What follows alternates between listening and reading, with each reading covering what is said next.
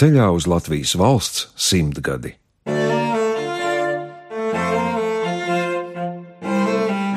Dzimtas saknes.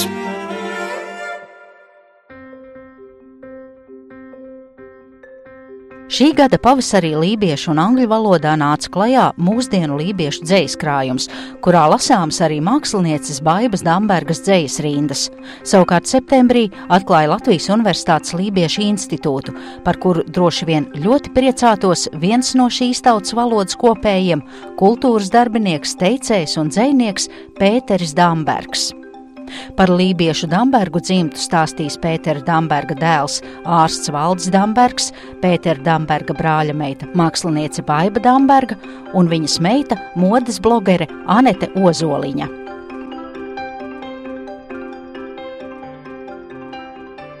Irgandöksest kärme vand apkazzen koraks, ne iiskui mund loomad. Ykskord okš iskitten sauna, ja kutsen kärmest lebbam.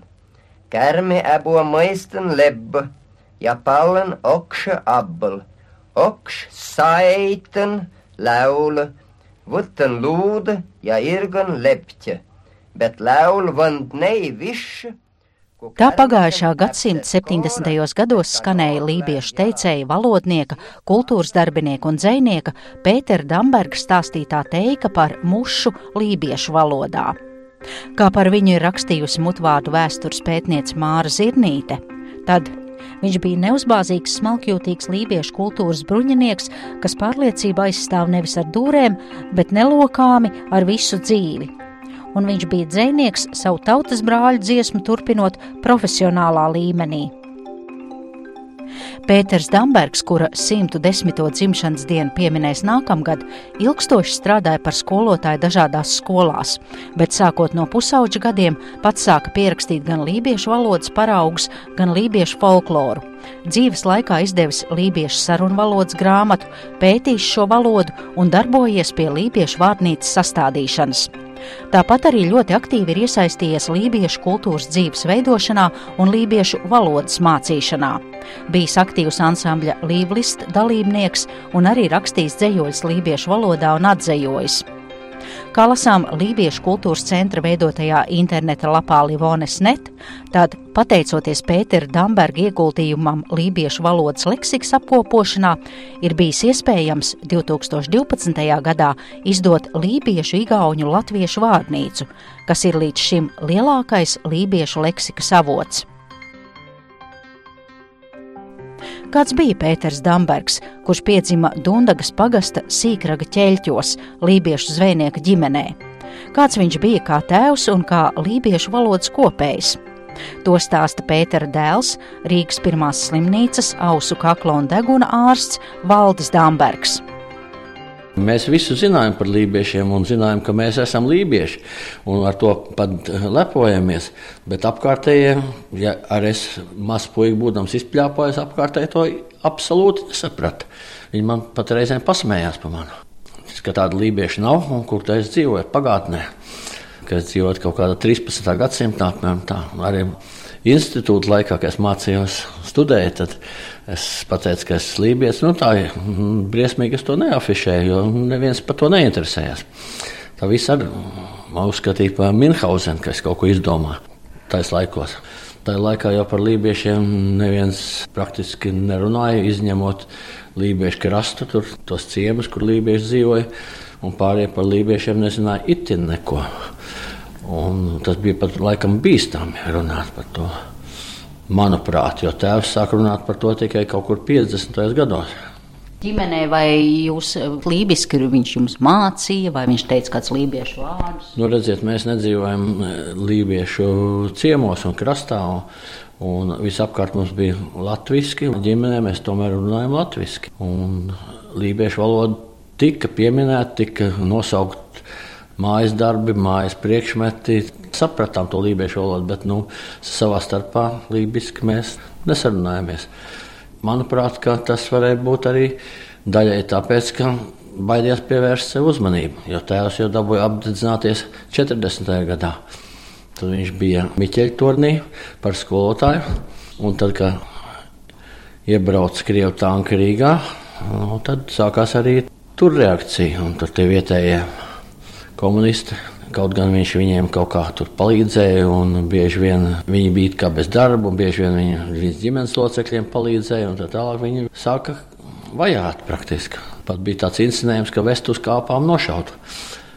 Nu, tad viņš sāka runāt ar savu skolas biedru, kursa biedru, kas strādā par skolu inspektoru Ventspīlī. Tad viņš teica, ka labāk būtu aizbraukt no turienes. Un tā tēvs nokļuva atkal otrreiz zaļnieku skolā par skolotāju. Tad viņš jau pirms tam tur bija zaļnieku skolā. Jā, kad viņš beidza skolotāju institūtu Jelgavā, tad viņš aizgāja armijā vienu gadu, un pēc tam viņš dabūja darbu zaļnieku pamatskolā.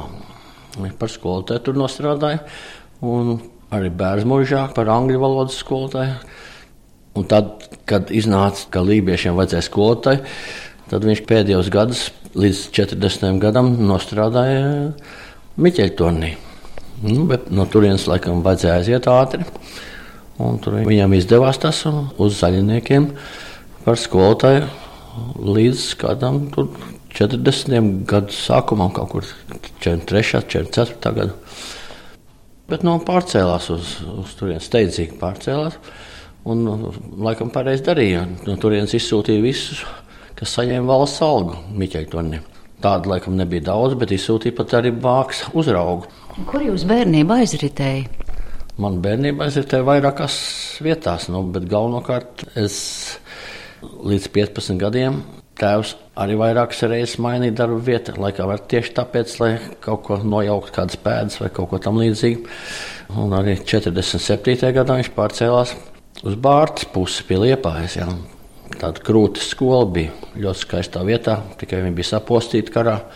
Bet ļoti skaista vieta. Man bērnības atmiņas ar to visvairāk saistās. Mēs tur nodzīvojam desmit gadus. 15 gadu vecumā, kad man bija 15 gadi, tad mēs no turienes aizgājām. Jā. Tēvs pārcēlās to skolu vienkārši slēdzis. Tā bija tāda maza skola līdz četrām klasēm. Un tēvs aizgāja uz Staldzenu pie Ventspils. Un pēc tam viņš, kad atkal Staldzens skoliņu slēdz, tad viņš aizgāja uz Katvaru palīgu skolu, tas ir Pilīmbažiem. Un tur viņš arī aizgāja pensijā. Un tad ādažos mūžs nokāpa. Un ādažos mums bija īpašums mājiņa, un tur mēs dzīvojam. Jā. Tā vēl joprojām es dzīvoju Ādažos. Tas ir vairāk kā 50 gadus. Kurš bija tas laiks, kad jūs atceraties, ka jūsu tēvs atkal sāka nodarboties ar lībiešu valodas kopšanu, rakstīšanu un, un, un to, ko viņš nu, darīja jau jaunībā? Nu, vispirms jau mājās bija visas lībiešu grāmatas, kādas bija līdz tam laikam izdotas. Ja? Un tās viņš bija saglabājis kara gados un visos pārcelšanas laikos fotografijas bija. Es, protams, interesējos par tām fotografijām. Viņš man visu izstāstīja, kurš ir Igaunijas zinātnieks, kurš ir Somijas zinātnieks. Jo, lai cik tas paraksts sāli nebūtu, par lībiešiem interesējās tikai Igauni un Somija tajā laikā. Tā kā bija tās grāmatas un viss pārējais. Man interesēja grāmatas, un tēvs man viss stāstīja, protams, pastāstīja un tā tālāk. Bet, kā jau teicu, no mājas ārpusē tas nekur sevišķi netika izplatīts, visas tās lietas. Jā. Bet nu, tas tas viņam bija nu, viņa sirdslieta. Lībiešu valoda viņa sirdslieta. Ar to viņš jau sāka nodarboties, ka viņam bija kaut kur 14, 15 gadi, kad Lībiešu krastā ieradās. Vispirms Laura Ketunens un pēc tam Oskars Lorits, folklorists. Ar to viņam nodibinājās tāda draudzība. Viņam ilga saraksta bija viņa. Tā viņam draudzība ilgstoši, ilgstoši turējās kā no mana tēva pusauģa gadiem, tā līdz uh, Oskara Lorits nāvei. Tēvs augumā bija nedaudz pāri vidējam, 1,76 cm, bet man viņš likās liels un sevišķi stiprs. Ja blakus gadījās kāds prāvāks tēvains, es to vienkārši neņēmu galvā. Jo kas tad sapļāva smaržīgo sienu, kurā mēs visi vasarās gulējam? Tēvs. Kas mācīja jumtu noklāt ar skaidām tā kā neviens? Tēvs. Un kas mācīja skolā visus manus draugus un nedraugus? Atkal tēvs.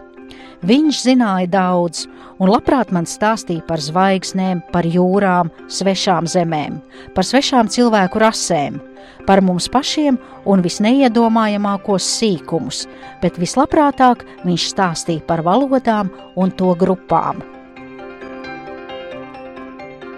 Tā savas atmiņas par tēvu Valdis Dambergs ir pierakstījis 1997. gadā izdotajā Lībiešu gada grāmatā. Ošet, agāmēg lēks Miranda, lēks vaņķļa lomidi, kīti zvanātāķi, malmat poiškisten, kes vēl seita enč lēba vīlidi. Pakandīt amāt kolun lekštu ilkāngar randa.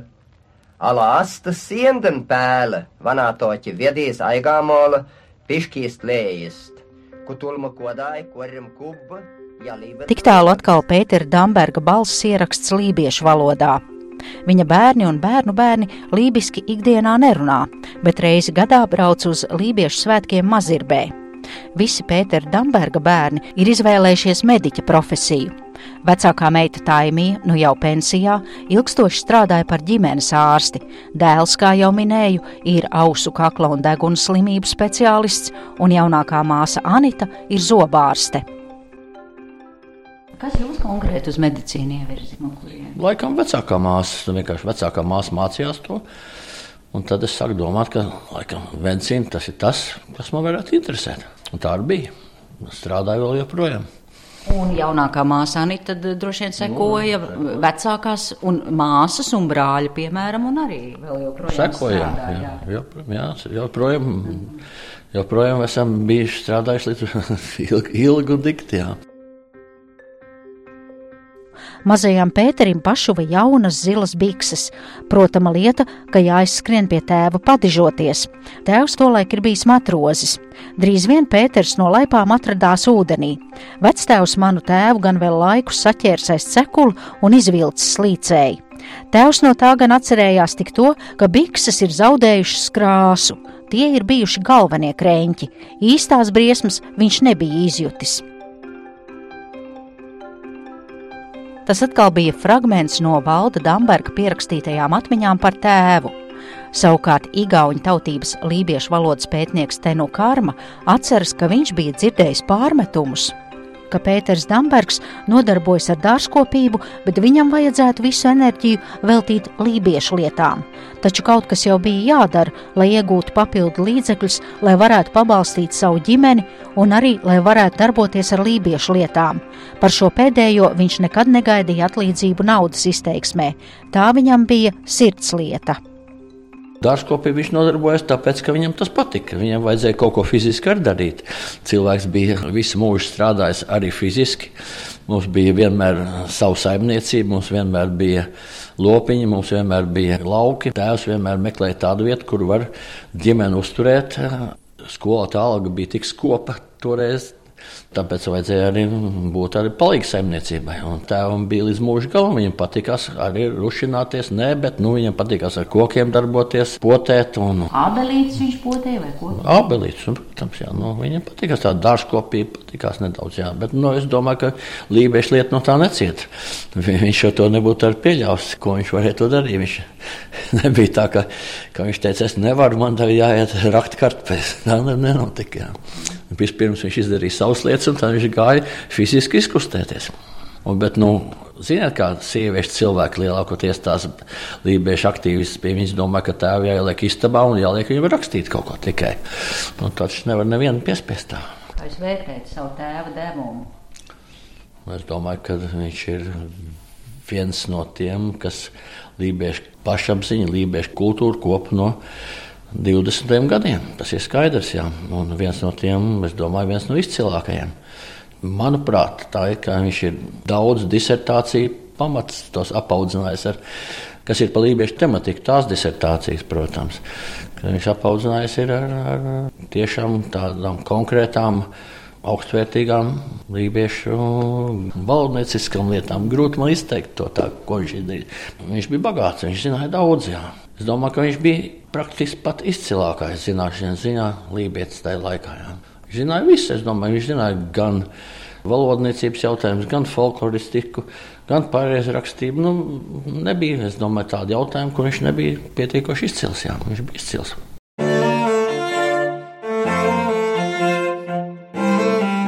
Dzimtas saknes.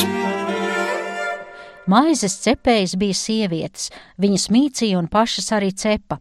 Maizes cepšanai katrā sētā bija liela maizes krāsnes. Katrā sētā bija arī sagatavota maizes krāsnes malka, tā bija gara gandrīz visas krāsnes garumā. To citur nelietoja kā tikai maizes krāsnī. Tā bija laba priežu malka. Mans tēvs nekad negribēja maizes krāsnī egļu malku. Es gan esmu pilsētā redzējis, ka tur cep ar egļu malku un ar egļu malku kurina krāsni, bet mans tētis tādu egļu malku negribēja. Tā negribētāja bija mana māte. Tēvam bija jāpild tas, ko māte gribēja. Māte jau bija tā krāsnes kurinātāja. Viņa egļu malku negribēja tāpēc, ka tā ļoti sprakst, viņa gribēja krāsnī priežu malku. Viņa zināja, cik malkas pagaļu vajag, lai krāsnes būtu labi izkurināta un gatava. Maizē bija abra, īpaša abra. Abru taisīja no apses koka, tā bija izgrebta no viena liela bluķa kā sile. Katrā galā bija turekļi no kadiķa koka. Pie tiem varēja pieķerties un abru nest. Abru nesa divatā. To ienes istabā laicīgi, lai tā sasiltu. Tad tur iebēra miltus un iejauca siltu ūdeni. Tā tas palika līdz rītam visu nakti. Tie milti, kas bija samaisīti ar ūdeni, bija jau ieskābuši. Mums bērniem tie ļoti garšoja, mēs bāzām pirkstus iekšā un laizījām. Dažreiz māte to uzlika arī uz šķīvja ēšanai. Dzimtas saknes. Alus dzeršana bija kā rituāls. Alu bija jāprot dzert, jādzer tā, lai nenodzertu prātu. Dzēra līdz drusku apreiba galva. Galvas reipšana gan varēja būt tik liela, ka sāka lielīties. Tur tad radās tie lielie filozofi. Alu dzerot, galvā radās dažādas domas, radās nesaskaņas domas apmainot, dažkārt viens neticēja, ko otrs saka, un cits nedzirdēja, ko otrs runā, un tad, kā teica, bija jāsāk vēl otru reizi. Tomēr līdz kautiņam reti, kad aizgāja. Jūrmalnieki teica, mēs neesam dzēruši, mums tikai drusku reibst galva. Vīri dzēra vairāk, sievas mazāk.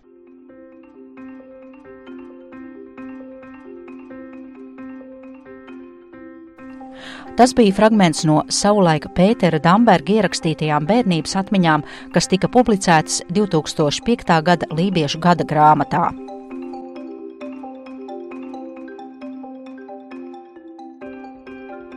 Tā ir mana vecā māma Kristīne, un tā esmu es 98. gadā. Tie žesti, ja vecās mammas bildīte ir, es pieļauju, ka to ir fotografējuši Igauni zinātnieki, kas ir bijuši kādā ekspedīcijā, jo viņi arī bija lībiešu valodas teicēji. Tas, tas ir Pētera onkuļa, Pētera onkuļa roka. Pētera Damberga, Pēter tas Damberga, ir jūsu jā. tēva brāļa. Mans tēva brālis.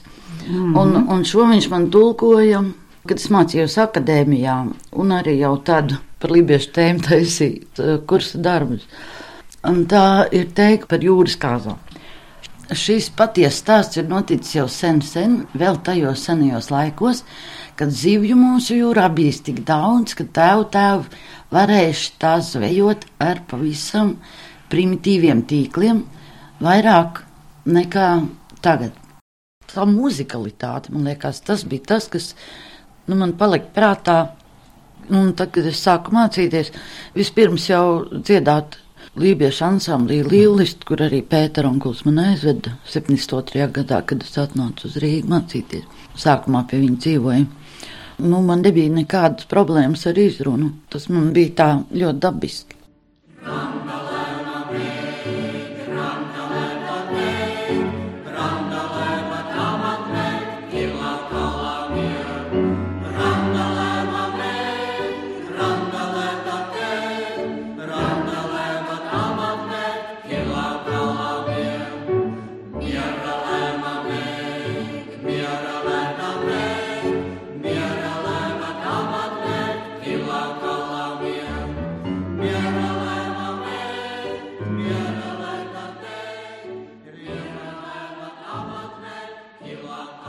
Baiba Damberga ceļ galdā savu senču fotografijas un sava onkuļa Pētera Damberga pierakstīto teiku par jūras kāzām. Mākslinieci un dzēnieci strādā Jaņa Rozentāla Rīgas mākslas vidusskolā par pasniedzēju. Organizē lībiešu mākslinieku izstādes, ilustrē lībiešu grāmatas un raksta dzējoļus, arī lībiešu valodā. Lai gan bērnībā sava tēva valodu ir dzirdējusi, bet tajā nav runājusi. Neicst moidlab, ūda siņīzja aļa, vail, kievāmstīs krīka bjauga.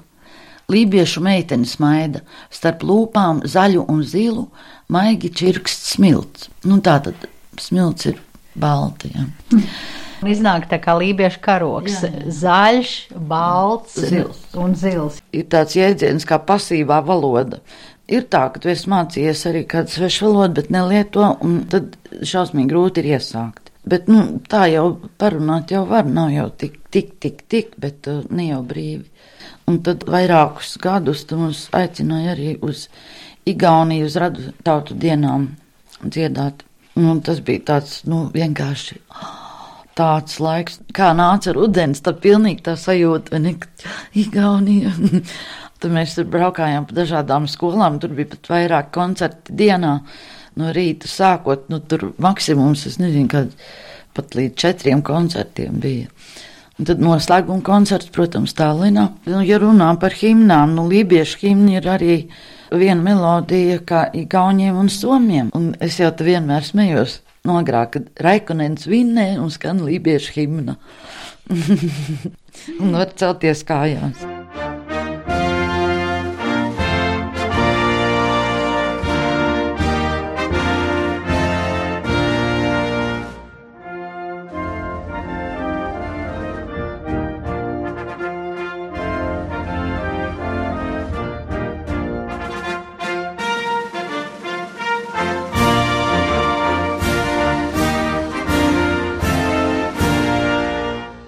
Mana, dzim, Man tēvzeme. mana tēvzeme, mm. mūžam. Izā ir tēvs. Jā. Ar Pēteru onkolu tēvs runāja lībiski, tāpat kā ar vectēvu un vilmu stanti.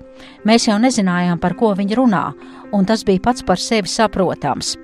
Gluži kā visas pārējās lietas bērnībā, bija skaidrs, ka sīkraks ir visjaukākā vieta pasaulē, arī tāpēc, ka tur dzīvoja vismīļākā krustmāte pasaulē. Dažreiz mums bērniem gan arī ļoti kārojās mācīt šo valodu, kaut vai tādēļ, lai citi neko nesaprastu. Tēvs labā omā būdams skaitīja jocīgus pantiņus un izskaidroja daža laba vārda nozīmi. Pēc laiciņa mums jau bija gana, lai secinātu, ka latviešu sazināties tomēr ir daudz ērtāk, un tēvs varēja mierīgi atgriezties savā iemīļotajā grāmatu pasaulē. Tā atkal Baiva Damberga raksta vienā no lībiešu gada grāmatām, bet ciemojoties pie viņas, Baiva rāda vienu no drukātiem Dambergu dzimtas dārgumiem. Tā ir pagājušā gadsimtā 30. gados izdotā Pētera Damberga sastādītā lībiešu valodas lasām grāmata. Tā ir tā viņa grāmata, kas bija otriem pasaules karam. Tā bija, kā teikt, lībiešu grāmatniecības augstākais sasniegums. Tā ir lasām grāmata skolai un mājām. Jemakiela. Jemākiela, tā ir mātes valoda. Mātes valodas lasām grāmatas, skolas un mājas dēļ tas ir pierāst, jā. Pierāst ir Ir dēļ, vai priekš. un šī grāmata ir, tad skatāmies, kur un kad tā ir izdota. Helsinki 1935. gadā. Nu jā, tas bija paredzēts arī lībiešu valodas mācīšanai jūrmālas skolās. Bet tik viegli jau negāja ar to izdošanu, tāpēc, ka Latvijas valdība neatļāva to grāmatu lietot. Tajā laikā jau nu, bija svarīgi vienotā Latvijas valsts, vienotā tauta, ja, un vispār lībiešiem tajā laikā nu, nekāds atbalsts netika sniegts. Vēlāk jau tas pats bija no padomju varas puses, ja, kad lībieši tika ignorēti pilnībā. Un šo lasām grāmatu varēja reāli skolā lietot tikai pēc tam, kad bija priekšpusē ielīmēts vadoņa attēls un nodrukāta dziesma brīvai Latvijai. Ā, tad Kārļa Ulmaņa attēls. Jā, jā, protams. Jā. Tad šī grāmata ir unikāla, to, ka tā ir izdota vēl Helsinkos un vēl nebija, nepaģērēja, ka Nu, šajā nevajadzēja. Šajā Ulmaņa nē, nu pēc tam viņi speciāli līmēja visām iekšā tos bildes. Un um, bija jau 39. gads, kad beidzot atļāva lietot skolās šo grāmatu. Viss bija noskaidrojies. Un tad jau daudz kas jau vairs neiznāca, neizdevās līdz 40. gadam, kad pavisam tad tika Un pēc tam padomu gados jau to grāmatu nevienam. Nē, nu, nē, nu, to, tā jau bija aizliegta literatūra bez mazā, jo, kad tēvs atbrauca no, no ziemeļiem mājās, tad jau viņam vairs neļāva rakstīt pasē lībietis. Viņš aizgāja pasu daļu, nē, tādas tautības nav. Lībiešiem pašiem jau bija ļoti zema pašapziņa, un tāpēc jau arī bija tā, ka daudzās mājās runāja latviski, ne tikai jauktās ģimenes, bet arī lībieši ar bērniem runāja latviski.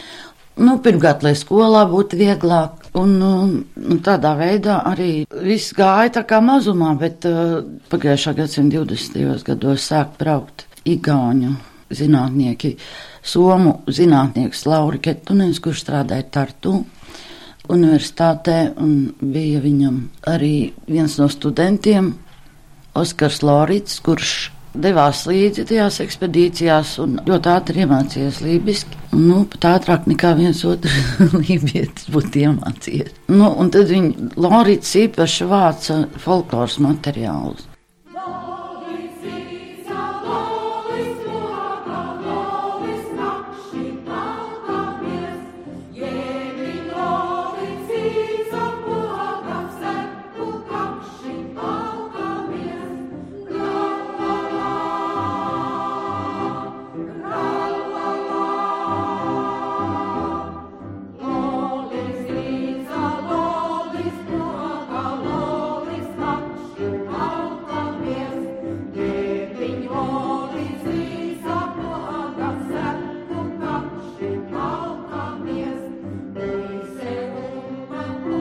Un Pēters Dambergs bija viens no teicējiem, un laika gaitā kļuva par Lorica kolēģi, domu biedru, lībiešu valodas un folkloras apzināšanā un kopšanā. Kad viņš mūža nogalē ticis intervēts, tad viņš par savu darbu ir teicis tā. Nu, un tad vēl lībiešu gramatikas, kādas vien iespējams esmu teicis, teicējs bijis. Nu, un tad arī tagad es tos lībiešu vārdus rakstu, lībiešu valodu tā sakot. Tie vārdi nu ir tie, kas paliks kā tāds pamatfons. Dzimtas saknes. Kāpēc jums būtiski to lībisko kopt un uzturēt?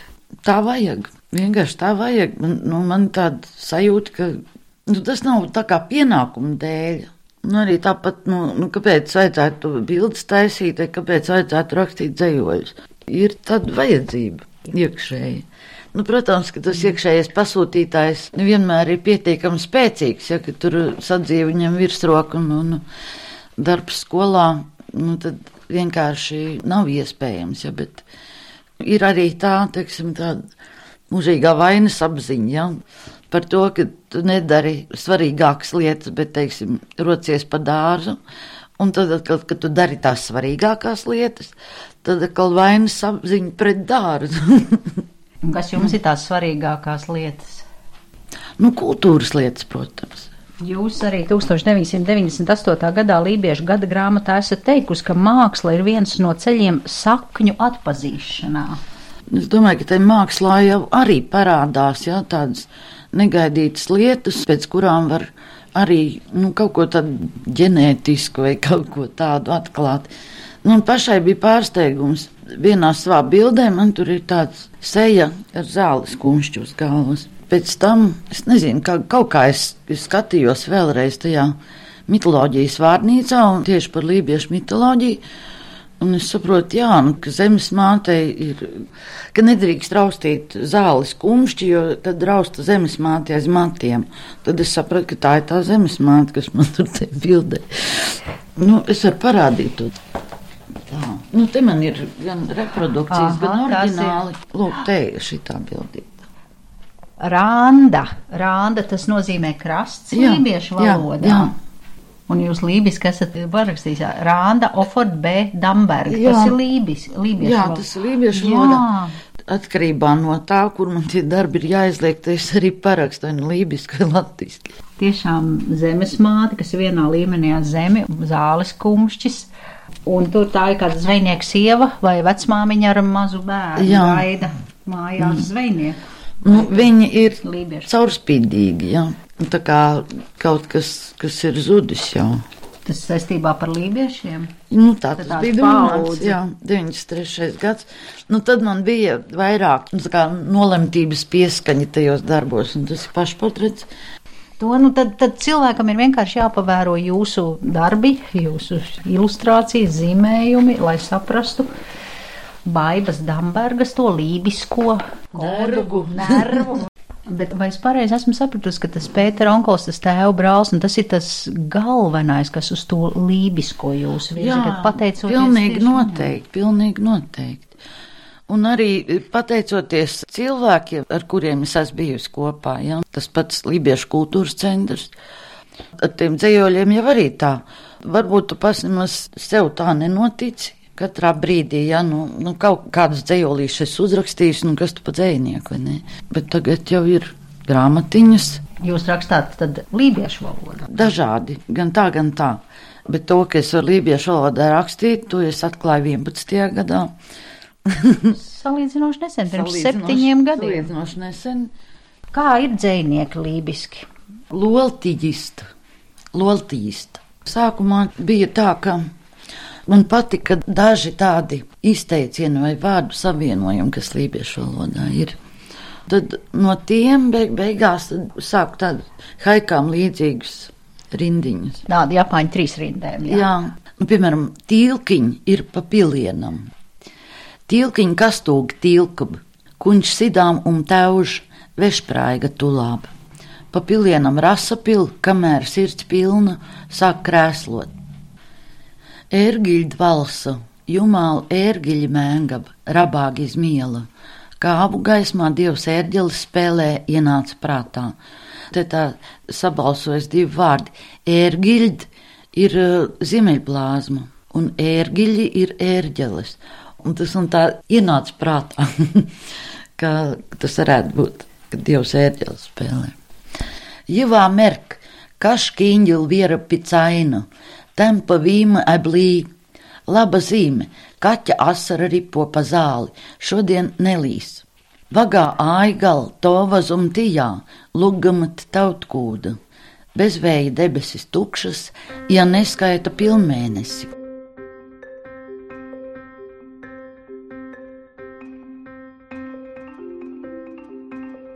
Vēl atceroties savu tēva brāli Pēteri Dambergu, Baiba teica, ka viņš reti ir pacēlis balsi. Tas ir bijis tajos gadījumos, kad ansambļa līvlista dziedātājiem ar izrunu ir sācis iet grāvī. Spītība un ātrā taisnā daba ir viena no Dambergu dzimtas īpašībām. Vai tas ir lībisks vai vienkārši dzimtas raksturs, to ir grūti pateikt. Ja par to, teiksim, tādu ātro dabu varētu teikt arī. Jo manā māte apprecējās ar tēvu, dzīvoja sīkragā ķēķu mājās, tad viņa brīžiem saķēra galvu, ja, kā tur gāja vaļā nu, par sīkumiem. Bet nu, tā vienkārši tas bija. Nu, neviens otru tur īpaši neapvainoja, bet nu, tas bija tādā skaļā tonī gāja. Bet jūsu kur. mamma arī lībieti ir. Mana mamma nav lībieta. Ā, viņa ieprecēja. Viņa ieprecējās, nu, vārdu sakot, tās skaļās balsis, jā, un arī sava pārliecība katram. Un, un tā kā tēvam un mammai jau bija, es varētu teikt, ka skolas laika mīlestība, bet nu viņa jau teikt, oh, tad, kad sīkraznieki gāja caur mūsu sētiem, tur bija pļaus kaut kur tālāk, jā, es jau tad laidos lapās. Tā mamma, jā. Jā, viņi mācījās vienā klasē ap divu. Un te ir no 34. gada dildīte. Tā 1934. 34. gadā. Sēž tā ļoti Pieci. skaists jaunēklis un trīs meitenes Jā. apkārt. Un tā aiz muguras tā ir maiga. Arnolda Eņģelis. Mamma jūsu. jā. Mana mamma. Un tas ir jūsu tētis. Jā, jā, jā, Bet te viņi ir kādā 7, 8 klasē, nu, pusauģi. tā, 34. gadā tēvam ir 15 un mammai 14 gadi.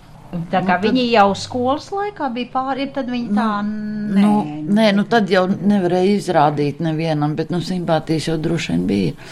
Un skolā viņi gāja kurā? Mazirpas skolā. Mazirpas skolā. Mm -hmm.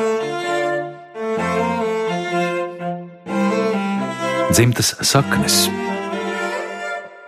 Rudolfs Vestbergs ir mans vectēvs no mammas puses, un no sieva Līze Līza Jursone Vestberga. Un o, viņiem bija astoņi bērni. No kuras puses jūsu mammas radi ir cēlušies? No Mazirbas. Viņiem bija saimniecība, vietu sauc Brauskas. Es gribu izrādīt tad arī tās mammas, no mammas līnijas tās fotografijas. Nu, šī ir mana mamīte piecu gadu vecumā, sadusmojusies. Viņa pati atceras, ka viņa negribēja fotografēties un tur tā dusmīgi ir. Bet cik skaista kleita ar tādu brudierētu mežģīņu apaklīti. Saimnieku meitiņa. Un te ir tādas divas fundamentālas bildes. Šis ir vecvec tēvs Fricis pie jaunās ķieģeļu mājas uzbūvētās. Un šī ir Maigiņa, astoņu gadu vecumā, mana mamma.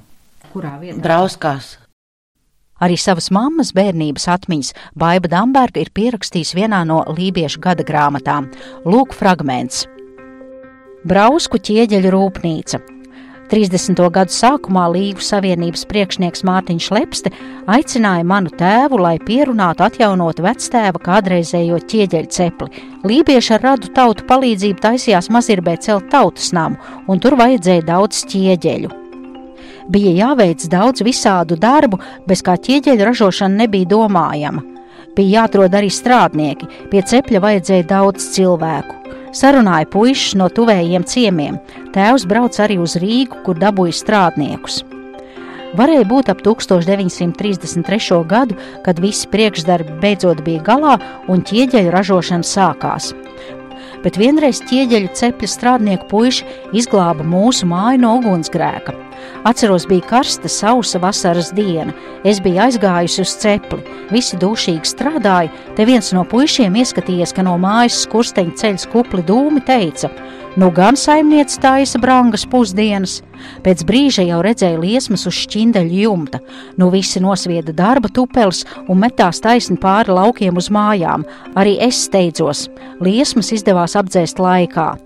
Izrādījās, ka mana auģu māte un tēva māsa bija tīrījuši vectēvu istabu. Kā jau vecam vīram, tur bija sakrājušies visādi nevajadzīgi papīri un krāmi.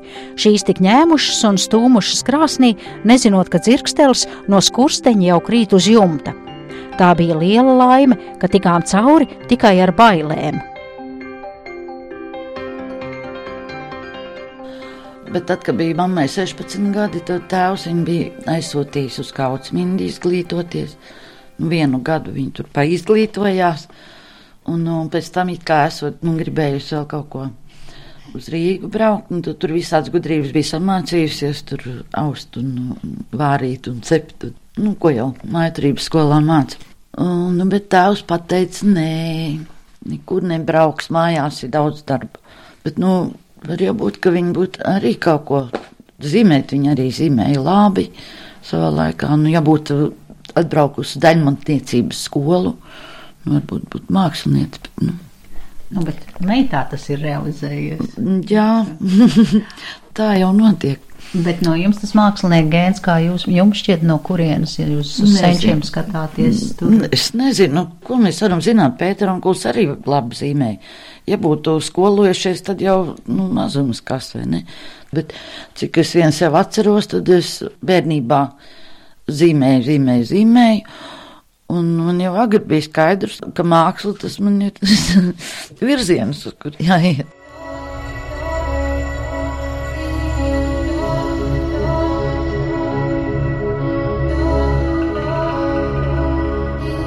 Čičorlinkis, čičorlinkis, nīumaiga ilza nūz. Čičor, čičor, nitek magan pitka onda, iesta ieza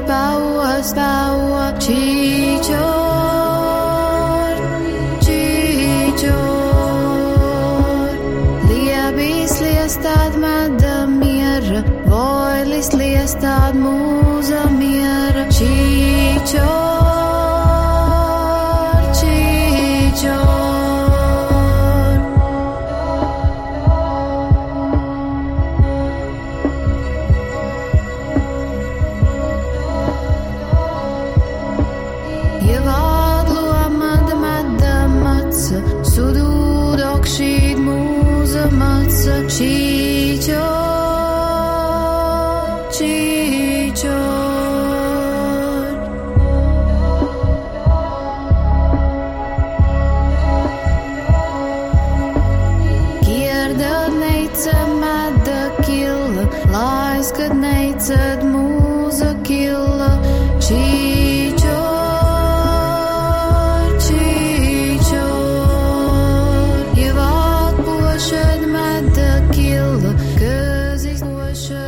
Baibas Dambergas un viņas vīra mākslinieka Viestura Ozoliņa ģimenē ir izaudzināts trīs meitas - Lelde, Ieva un Anete.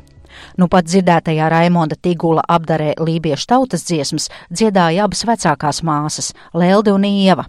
Arī jaunākā Anete ir allaž piedalījusies visās lībiešu bērnu nometnēs un dziedājusi kopā ar mammu un māsām. Es vienmēr esmu ar to ļoti, ļoti lepojusies, ka es esmu lībieta.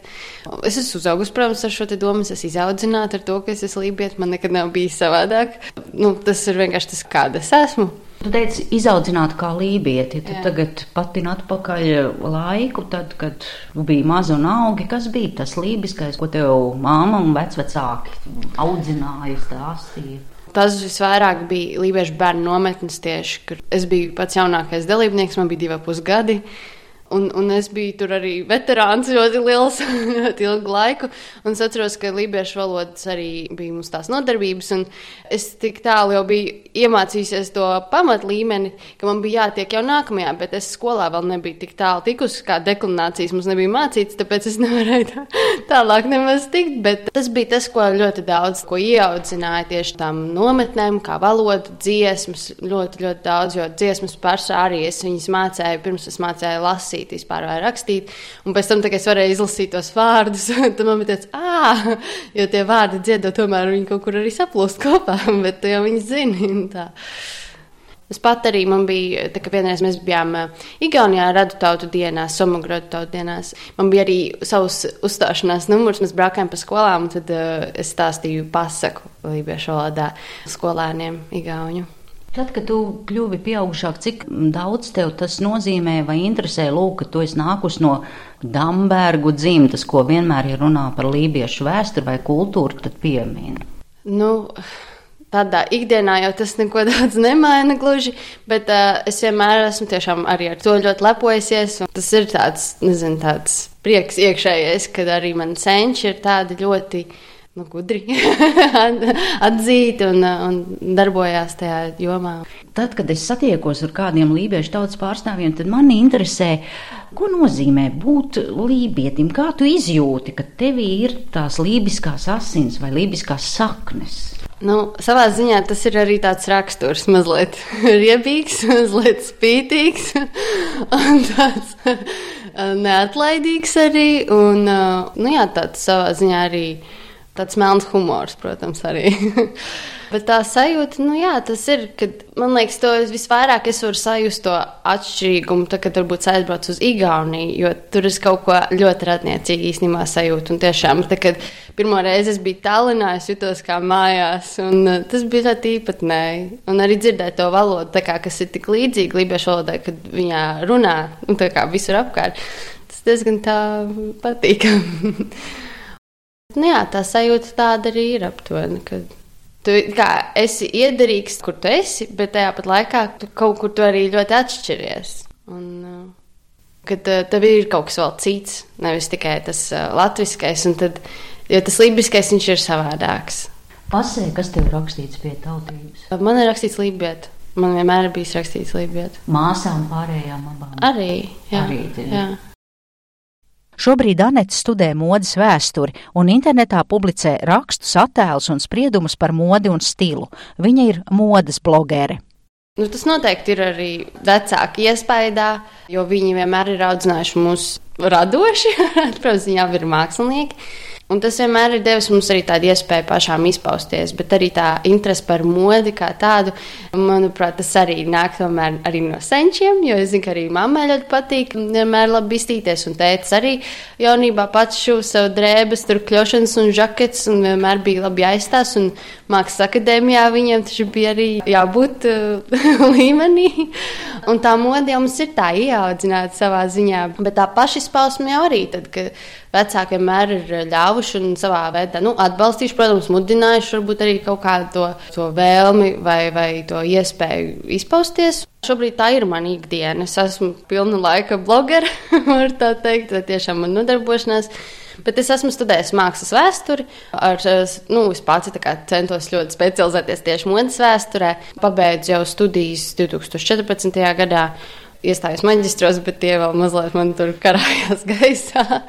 Bet jā, es tieši visu apzināti, visus tos četrus gadus arī speciāli tiecos uz to modes vēsturi, cik vien iespējams. Un arī mans bakalaura darbs bija Jugends Stila moda Rīgā.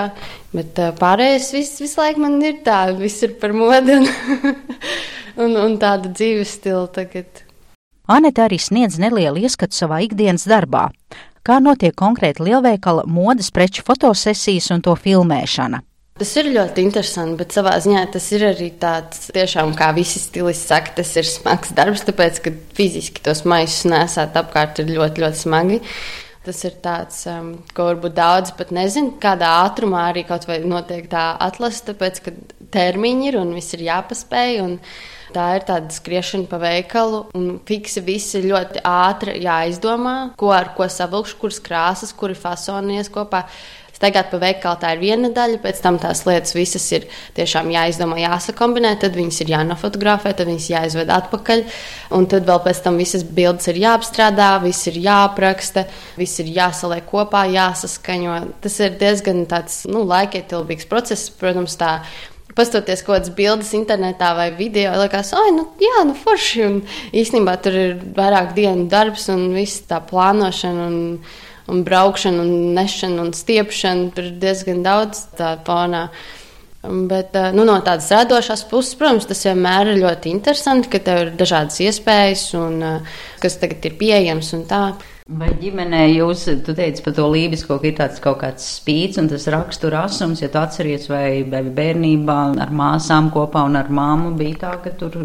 Nu, man ir paveicies, jo es esmu jaunākais bērns, man ir diezgan liela starpība ar māsām salīdzinoši, tā kā viņām bija savā starpā spīts un viss kaut kas. es esmu vairāk vienmēr tāds luteklīds bijis. Bet ne, nu, es jūtu, piemēram, savā ikdienā, ka man arī, kaut vai tagad runājot ar māsām, Mēs vienkārši redzam kaut kādas ļoti līdzīgas lietas. Un, nu, kaut kāds ir tā, tā mazā spītība un kaut kā kur iecērtās un tā. Ne, ne tā kā mums ir ļoti labas attiecības. Tas nav vienai pret otru. Mēs vienkārši varam pasmieties reizēm par to, ka es tieši tāpat daru. Jā, tādā ziņā.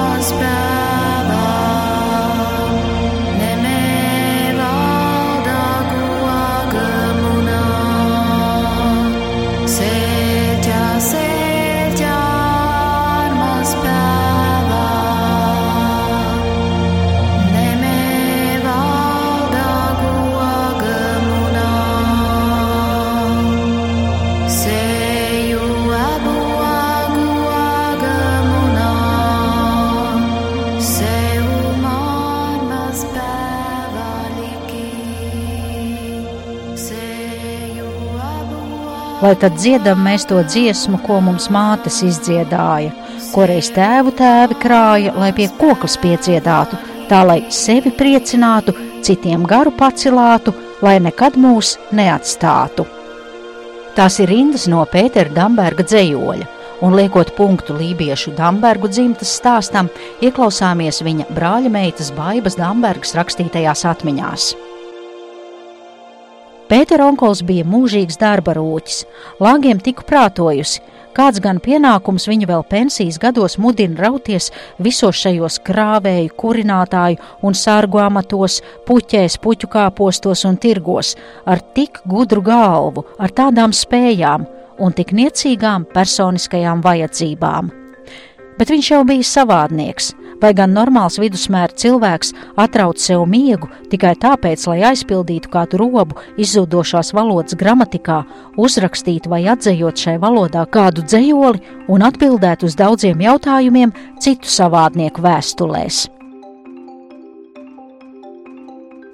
Raidījumā tika izmantoti fragmenti no lībiešu gada grāmatām, no interneta lapas Livones net, kā arī dzirdējāt ansambļa Līvlist un Raimonda Tigula skaņdarbus. Raidījumu veidoja Zane Lāce.